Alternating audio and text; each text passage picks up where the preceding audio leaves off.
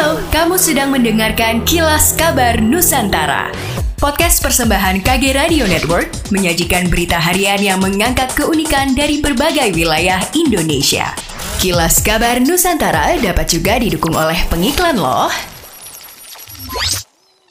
Keberadaan lima bus Malang City Tour atau Macito bisa menjadi sarana transportasi untuk membawa wisatawan masuk dan berkunjung ke kawasan perkampungan dalam kayu tangan. Sekedar informasi jumlah wisatawan yang masuk ke kawasan perkampungan kayu tangan jauh lebih sedikit dibanding dengan kawasan pinggir jalan. Kepala Dinas Kepemudaan Olahraga dan Pariwisata Kota Malang, Bayi Haki merencanakan memberdayakan mantan kakang dan Mbak Yu Kota Malang sebagai pemandu wisata di bus Macito.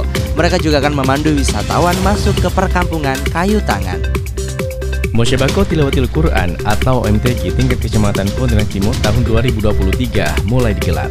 Wakil Wali Kota Pontianak Bahasan membuka secara resmi gelaran ini di Gedung Balai Penjaminan Mutu Pendidikan atau BPMP Provinsi Kalimantan Barat pada di Kamis 26 Januari 2023 malam.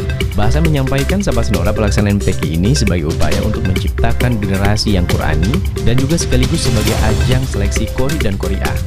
Hafizo terbaik yang nantinya akan mewakili Kecamatan Pontianak Timur pada MTQ tingkat kota Pontianak mendatang. Ia menyampaikan rasa bangga terhadap para orang tua yang secara konsisten mengajarkan akhlak Al-Quran kepada anak-anaknya. Hal ini menjadi kewajiban dan tanggung jawab orang tua dalam mengamalkan isi yang terkandung dalam Al-Quran.